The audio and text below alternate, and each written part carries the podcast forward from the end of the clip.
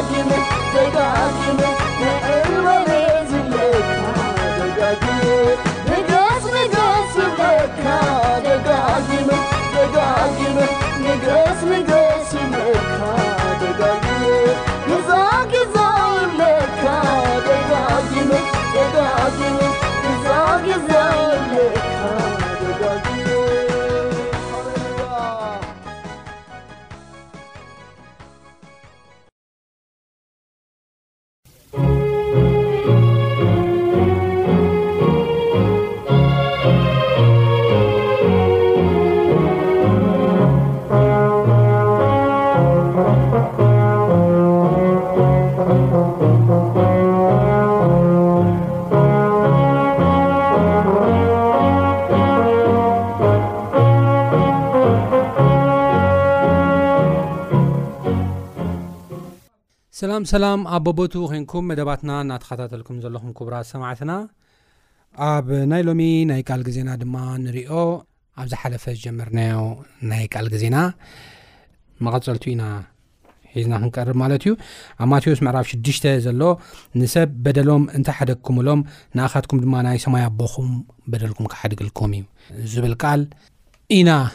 እናረኣና ዘለና ማለት እዩ ኣብ ዝሓለፈ ናይ ቃል ግዜና ዝኸቢድ ዓይነት ፀሎት ንክንፅሊ ንምንታይ ፈቂዱ ዝብልን ከምኡ ውን ካልእ ሕቶታትን መሊስና ነርና ማለት እዩ እዚ ዓብ በረኸት እዚ ዓብዪ ዝኾነ ኣብ ሂወትና ለውጢ ስለ ዘምፅእ እዩ ልና ነርና በደልና ሕደገልና ኢልና ክንፅለ ከለና ጎይታስ በደልና ሕደገልና ኢልና ስለ ዝፅለና ድዩ ይቕረ ዝብለና ኢልና ውን ሓቲትና ነርና በደልና ሕደገልና ኢልና ስለ ዝፅለና ኣይኮነን በደልና ዝሓድገልና ቀዲሙ በደልና ሓዲግልና እዩ ቀዲሙ በደልና ሓዲግልና እዩ ነገር ግን እቲ ናይ ኣምላኽ ይቕሬታ ናይ ኣምላኽ ምሕረት ናይ ኣምላኽ ጸጋ ክንቅበል ስለ ዝግብኣና ግን በደልና ሓደገልና ኢልና ክንጽሊ ከም ዝደለየ ኢና ንርኢ ዘለና ማለት እዩ እሞ ናቱ መቐጸልታ ሎሚ ሒዘልኩም ክቐርብ እየ ቅድሚ ኩሉ ግን ጸሎት ንግበር እግዚኣብሔር ኣምላኽና ስለዚ ግዜን ሰዓትን ነመስግነካ ኣለና ሕጂ ድማ ቃልካ ከፊትና ኣለና እሞ ቃልካ ከተምህረና ኣስተውዒልና ድማ ምንባር ንኽእለሉ ጸጋ ክተብዝሓልና ንለምነካ ብጎይታናን መድሓናን የሱስ ክርስቶስ ስም ኣሜን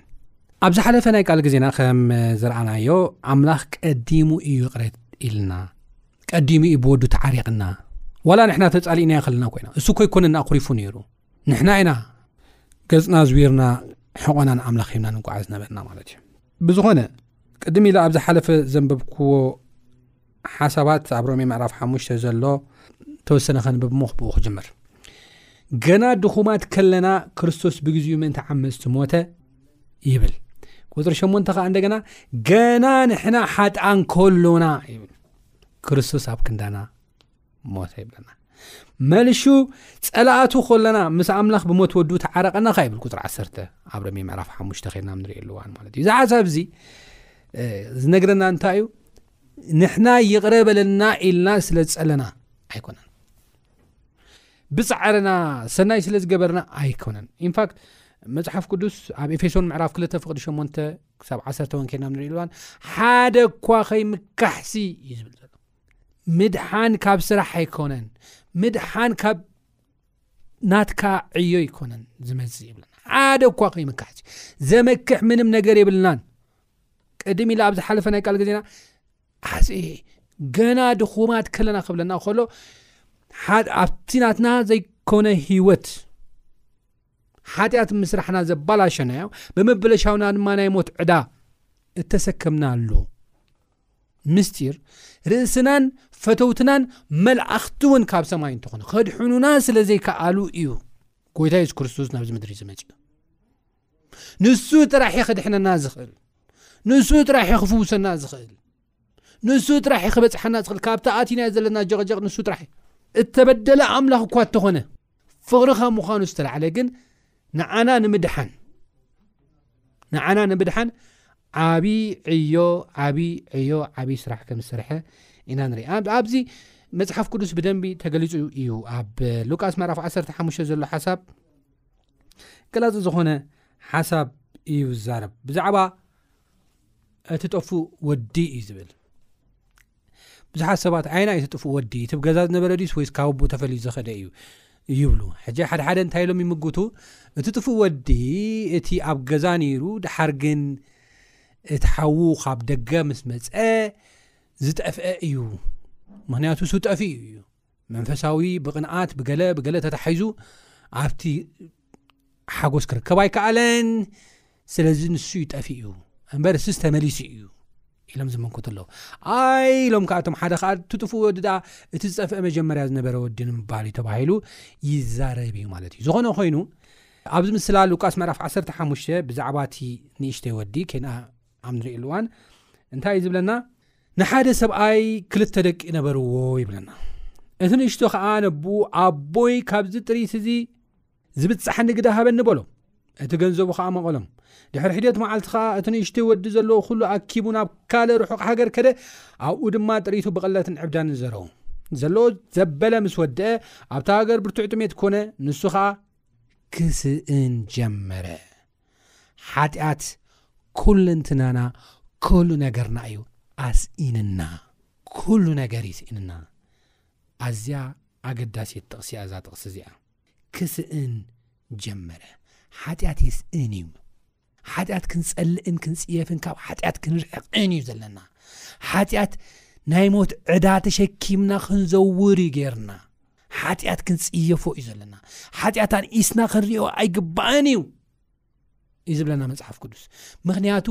ድኻታት ስለ ዝገብረና እዩ ኩሉ ነገር ዝሰኣና ኣዝና ዕሩቓት ስለ ዝገብረና እዩ ክስእን ጀመረ ይብለና ነዚ ወዲ እዚ ክስእን ጀመረ ጥራሕ ኣይኮነን ኢልዎ ጀመረ ደኣ ኢልዎ እበር ድሕሪኡ ቀፂሉ ዝቦ ሓሳብ ን ከድና ንሪእኣሉዋን እንታይ እዩ ዝብል ከይዱ ምስ ሓደ ካብቲ ደቂ እቲ ሃገር ተዋዓለ ንሱ ከኣ ሓሰማታት ጓሲ ናብቲ ምድሪ ሰደዶ ካብቲ ሓሰማታት ዝቕለቦ ቋርፍ ከብዱ ክመለ ከኣ ሃረር ይብል ነበረ ወዲ ሃብታም ዝነበረ ምንም ስእኖ ዘይብሉ ክቡር ዝኾነ ቆልዓ ሕጂ ግን ቋርፍ እኳ ዝምነየሉ ግዜ ይመፅዩ ቋርፍ ማለት ተረፍ መረፍ ማለት እዩ ተረፍ መረፍ እኳ ክስእን ከሎ ኢና ንርኢ ሓጢኣት የስእንና እዩ ባዶ እዩ ዝገብረና እወ ንግዜኡ መጀመርያ ኢንጆይ ዝገብር መሲሉ ክረአ ይኽእል ሰሓቢ ብልጭልጭ ዘለዎ ኮይኑ ክረአ ይኽእል ነገር ግን ኩሉ ነገር እዩ ዘስእነና ሓጢኣት ኣንኢስና ክንሪኦ ይብልናን ሓጢኣት መርዚ እዩ ሓጢኣት ቫይረስ እዩ ሓጢኣት እንታይ እዩ ሕጊ ኣምላኽ ምፍራስ እዩ ሓጢኣት እንታይ እዩ ብሓሳብናን ብተግባርናን ንኣምላኽ ምብዳል እዩ ንሓውናን ሓትናን ምብዳል እዩ ሓጢኣት እንታይ እዩ ንእግዚኣብሔር ኣምላኽ ዘይምእማን እዩ ሓጢኣት እዙ እዩ እዚ ሓጢኣት እዚ ከዓባዶ እዩ ዝገብር ክቕጽል ካብቲ ሓሰማታት ዝቕለቦ ቋርፍ ከብዱ ክመልእ ከኣ ሃረር ይብል ነበረ ዝህቦ ግና ሓደ እኳ ኣይረኸበን ሽዑ ናብ ልቡ ተመሊሱ በለ እንጌራ ዝተርፎም ጉዙኣት ኣቦይ ክንደዮም ኣነ ግን ኣብዚ ጥሜት መውት ኣለኹ ተንስኤ ደኣ ናብ ኣቦይ ይኸይድ እሞ ኣቦይ ንሰማይ ኣብ ቅድሜኻን ሓጢኣት ገበርኩ ደጊም ወድኻ ክበሃል ኣይበቅዕን ከም ሓደ ካብ ጉዙኣትካ ግበረኒ ክብሎ እየ ኢሉ ተንስኡ ኸደ ኣቡኡ ድማ ገና ርሕቕ ከሎ ረኣዮ እሞ ደንገጸሉ ገና ርሕቕ ከሎ ረኣዮ እሞ ደንገጸሉ ንሕና በደልና ሕደገልና ኢልና ክንፅሊ ከለና ንሓደ ጨካንን ተቐያምን ዝኾነ ኣቦ ይኮናን ንሓደ ኣዝዩ ብቁጥዐ ዝተመልአ ብቁጥዐ ዝገንፈለ ሕነ ንኸፈዲ መዓልቲ ዝፅበ ዘሎ ኣምላኽ ኣይኮናን በደልና ሕደገልና ኢልና ንፅሊ ዘለና እወ ንሕና ኣብ ኣምላኽ ኢና በዲልና እወ ንሕና ንኻልእ ኣይኮናን በዲልና የሱስ ክርስቶስ ኣብ ግብሪ ሃራት መራፍ ትሽዓ ከይና ንሪእየሉ እዋን እንታይ ኢልዎ ንሳውል ሳውል ሳውል ንምንታይ ኢኻ ተሳደኒ ዘሎኻ ኢልዎ ሳውል ተገሪሙ መን ኢኻ ኢልዎ ኣነ እቲ ተሳደኒ ዘለኻ የሱስ እየ ንድሕሪት ተድሓርሓርካስ እንፍ ብልሒታ ክገብረካ እዩ ክወግኣካ ኢሉ ስለዚ ንሕና ንካልእ ዘይኮነ ንእግዚኣብሄር ባዕሉ ኢና ኣባላሽና እቲ ኣብ ናትና ዘይኮነ ሂወት ሓጢኣት ምስራሕና ኢና ኣባላሽና ሂወትና ጥራሕ ኣይኮነን እቲ እግዚኣብሄር ዝሃበና ሂወት ጥራሕ ኣይኮነን ነገር ግን ማሕበረሰብ ብሓጢኣትና እውን ኣከባቢና እውን ኣባላሽና ኢና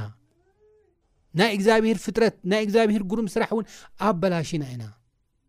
ስለዚ ንሕና ንኣምላኽ ኢና ኣባላሽና ንዑ እዩ የሱስ ክርስቶስ እውን ንዓይ ኢኻ ተሳደን ዘለኻ ሊትራሊ እኮ ኣብቲ ግዜ እቲ ንሃዋርያት እኮ እዩ ዘሳድ ነይሩ ወረቐት ፅሑፍ ወሲዱ እኮ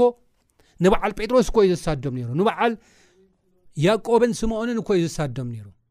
ብሓቂ ንምፃእ እንተ ኢልና ማለት እዩ ነገር ግን ንዕኦም ምስዳድ ንየሱስ ክርስቶስ ምስዳድ እዩ መጽሓፍ ቅዱስ ኣብዚ ጥቕሲ እዚ ጥራሕ ኣይኮነን ዝዛረበና ኣብ ማቴዎስ ምዕራፍ 25 ን ከድናብ ንሪእሉ እዋን እንታይ ብል ዓሪቐ ኣይከደንኩምንን ጠመ ኣየብላዕኹምንን ፀሜኤ ኣይስተኹምንን ይብለና ድሓር ቶማ ፀጋሙ ዘለዉ ጎይታ መዓስ ዓሪቕካ ርኢናካ ክንከድነካ መዓስ ፀሚእኻ ርኢናካ ሞኾነስተካ መዓስ ጠሚኻ ክርኢናካስ ምግቢ ክንበካ ደይረኣናካ እብልዎም። ነዞም ኣብ ጎንኹም ዘለዉ ንዕኦም ንሓደ ምግባር ማለት ንዓይ ምግባር ኢሉ ምስኡ ከተሓዞ ከሎ ኢና ንርኢ። ሎሚ ኣብ ጎንና ዘለዉ ጥሙያትን ዕሩቓትን ሽጉራትን ኣብኦም ኢየሱስ ኣሎ። ንዕኦም ምድጋፍ ንየሱስ ምድጋፍ እዩ። ንዕኦም ሰናይ ምግባር ንዕኦም ይቕረ ምባል ንየሱስ ምድጋፍ እዩ ስለዚ ኣምላኽና ግን ኣምላኽና ግን ፍሉይ ኣምላኽ እዩ እዚ ጥፉእ ወዲ ኣብ ኣቦኡ በዲሉ ዓሚፁ ኸይድ ከሎ ኣቦኡ ግን ኣሰፍሲፉ መዓልቲ እናተፀበየ ዝነበረ ኣቦ ኣይኮነን ነገር ግን እናማዕደወ ዝጽበዩ ብዓመፁን ብመንገዱን ካብ ኣምላኽ ርዕቑ ዝኸደ ሰብ እኳ እንተኾነ ነገር ግን ኣቦኡ ብፍቕሩን ብህረራየኡን ከዓ ወዱ ዝደልየሉ መንገዲ እዩ ዘናዲ ነይሩ ኣነ ብጣዕሚ እዩ ዝገርመኒ ኢንፋክት እቲ ወዲ እውን ክመፅእ ከሎ ዘለዎ ገንዘብ በቲኑ ኣብ ሽግር ወዲቑ ወዲ ሃፍታም ዝነበረ ድኻ ናይ ድኻ ኮይኑ ኩሉ ስኢኑ ክመጽእ ከሎ ኣቦይ ኣይቅበለንን እዩ ርግፀኛ ኣይቅበለንን እዩ ኣይትኸይድ እናበለኒ እኸይደ ኣውየ ዓሚፀ ኣውየ በዲለ ስለዚ ከም ሓደ ከም ጉዙኻ ግበረኒ ኢሉ ይመፅ እዩ ኢንፋክት ከይናም ንርኢ ኣለዋን ማለት እዩ ከምዚ ኢሉ ክመፅእ ከሎ ግን ናይ ኣቦኡ ፍሽኽታ ኣቡኡ ገና ይቕረ በለለይ ከይበሎ እዩ ምምጽኡ ጥራሕ ምስ ራኤ ምምላሱ ጥራሕ ምስ ራኤ እናጎየ ዝሓቆፎ ደንጊጽሉ እናጎየ ዝሓቆፎ እንደገና ድማ ከምዚ ኢሉ ዝተዛረበ እንታይ ይብል መጽሓፍ ቅዱስ ቁፅሪ 20 ከድና ከለና ተንስኡ ናብ ኣቦኡ ኸደ ኣቦኡ ድማ ገና ኣብ ርሑቕ ከሎ ረኣዮ እሞ ደንገጸሉ ደንገጸሉ ጥራሕ ግን ኣይኮነን ጎዩ ኸዓ ብኽሳዱ ሓኒቑ ሰዓሞ እቲ ወዱ ድማ ኣቦይ ንሰማይ ናብ ቅድሜኻን ሓጢኣት ገበርኩ ደጊምሲ ወድኻ ኣይበቅዕኒ ገና ይቕሬታ ከይበሎ በዲለ እየ ከይበሎ እዩ ሓኒቑ ስዒሙ ኣቡ ኣቡ ግና ንባሮቱ ብሉፅ ክዳን ኣምፂኹም ክደንዎ ቀለቤት ኣበፃብዑ ኣሳእና ብኣግሩ ኣትውሉ እዚ ወደይ ሞይቱ ነይሩ ሓውዩ ጠፍኡ ነይሩ ተረኺቡ እሞ ስብሕ ስላም ኣምፂኹም ሕረዱ ንብላዕ ንተሓጎስ በሎም ክሕጎሱ ድማ ጀመሩ ይብለና ስለዚ ንሕና በደልና ሕደገልና ኢልና ክንፅሊ ከለና ንሓደ ጨካን ሕነ ዝፈድእ ኣምላኽ ዘይኮነስ ናብቲ ርህሩህ ኣምላኽ ኢና ንመጽእ ዘላ ናብ ኣምላኽ ንምምጻእ ክንሓፍር ክንፈርሕ የብልና ኢንፋክት ኣብ ዝቕጽል ናይ ቃል ግዜና ክንርኢና ሰይጣን ዋ እዚ ኩሉ ሓጢኣት ሰሪሕኻ ከመይ ገይሩ ይቕረ ክበሃለልካ ይቕረ ኣይትረክብን ኢኻ እዚ ንስኻ ዝሰርሕኻዮ ሓጢኣት በቃ ይቕሬታ የብሉን ኢሉ ኣካቢዱ ኣእምሮና ክቐርጸልና ይኽእል እዩ ይኽእል ጥራሕ ዘይኮነስ ይሰርሕ እዩ፣ ኣብ ብዙሓት ሰባት ይሰርሕ እዩ፣ ካብ ይሁዳ ጀሚሩ ክሳብ ሎሚ፣ ቅድሚ ይሁዳ እውን እናዓየየ ዝመጽእ ሕጂ እውን ዝዓዩ ዘሎ እዚ እዩ። ዋእ ሓጢኣት ሰሪሕ ሓጢኣት ንክንሰርሕ ዘታለና ንሱ ኣብ ዝቕፅል ናይ ቃል ቅዜና ብደንቢ ገይረ ክርኤ ሓጢኣት ንክንሰርሕ ዘታለና ንሱ ምስ ተታልና ምስ ወደቕና ድማ እንደገና ኣብ ውድቀትና ዘባጭወልና ዘናሽወና ንሱ መልሽና ናቦና ናብ ምሕረት ንክንረከብ ናብ እግዚኣብሔር ንኸይንምለስ ዋ ሓጢኣት ካ ዓብዩ ከመይ ጌርካ ይቕረ ዝበሃል ሓጢኣት ኣይኮነን ኢሉ ዝሰብከና እውን ንሱ ብዙሓት ናይ ሰይጣን ስብከት ምስማዕ ህይወቶም ዘጥፍኡ ልክዕ ከም ይሁዳ ኣለዉ ይሁዳ እኮ ንየሱስ ክርስቶስ ዝሕሊፉ ምስ ሃቦ ተጣዒሱ እዩ ከይዱ ሰላሳ ቅርሺ ደርቢሎም እዩ ነገር ግን ሰይጣን ኣብ ኣእምርኡ እዚ ሓጢኣት ዝሰራሕካዮ ነቲ ጎይታና ንየሱስ ክርስቶስ ኢንፋክት ናይ የሱስ ክርስቶስ ቃላት እውን ይመፆ ነይሩ ወዲ ሰብሲ ከምቲ ቃሉ ክሓልፍ እዩ ነገር ግን ንክሓልፍ ምክንያት ዝኸውን ሰብ እንተዘይውለድ መሓሾ ነይሩ ዝብል ቃል ናብ ናይ ይሁዳ ኣእምሮ እናመፀ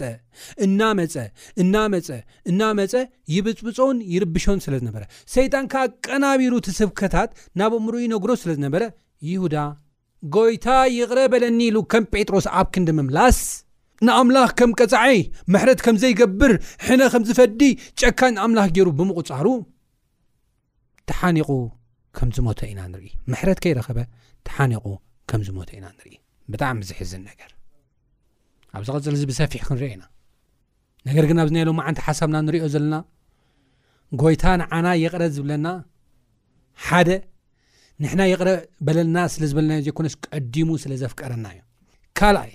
ይቕረ በለና ኢልና ናብኡ ንቕርቡ ኣምላኽ እውን ፈቃር ኣምላኽ እዩ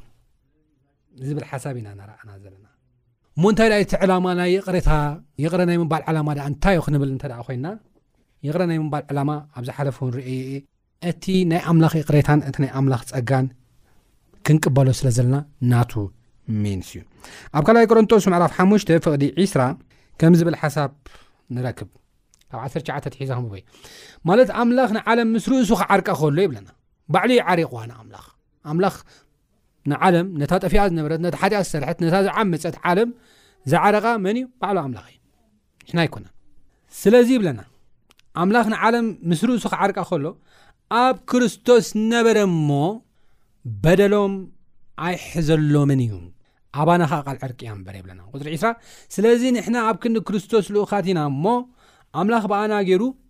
ይምዕድ ኣሎ ንሕና ብኡ ጽድቂ ኣምላኽ ምእንቲ ክንከውን እቲ ሓጢኣት ዘይፈለጠ ኣብ ክንዳና ሓጢኣት ገብሮ ምስ ኣምላኽ ተዓረቑ እናበልና ከኣ ኣብ ክንዲ ክርስቶስ ኮይና ንለምነኩም ኣላ ዕርቂ ምሉእ ዝኸውን እቲ ፈውሲ ከኣ ኢፌክቲቭ ዝኸውን መዓስ እዩ ንሕና ናይ ኣምላኽ ይቕሬታ፣ ናይ ኣምላኽ ዕርቂ፣ ናይ ኣምላኽ ፈውሲ ክንቅበል ከለና እዩ። እዚ ነገር እዚ ኸኣ ምቕባልና እነርእየሉ መንገዲ ኸኣ እቲ ሓደን ወሳንን ነጥቢ ኸኣ እንተ ደኣ ዀይኑ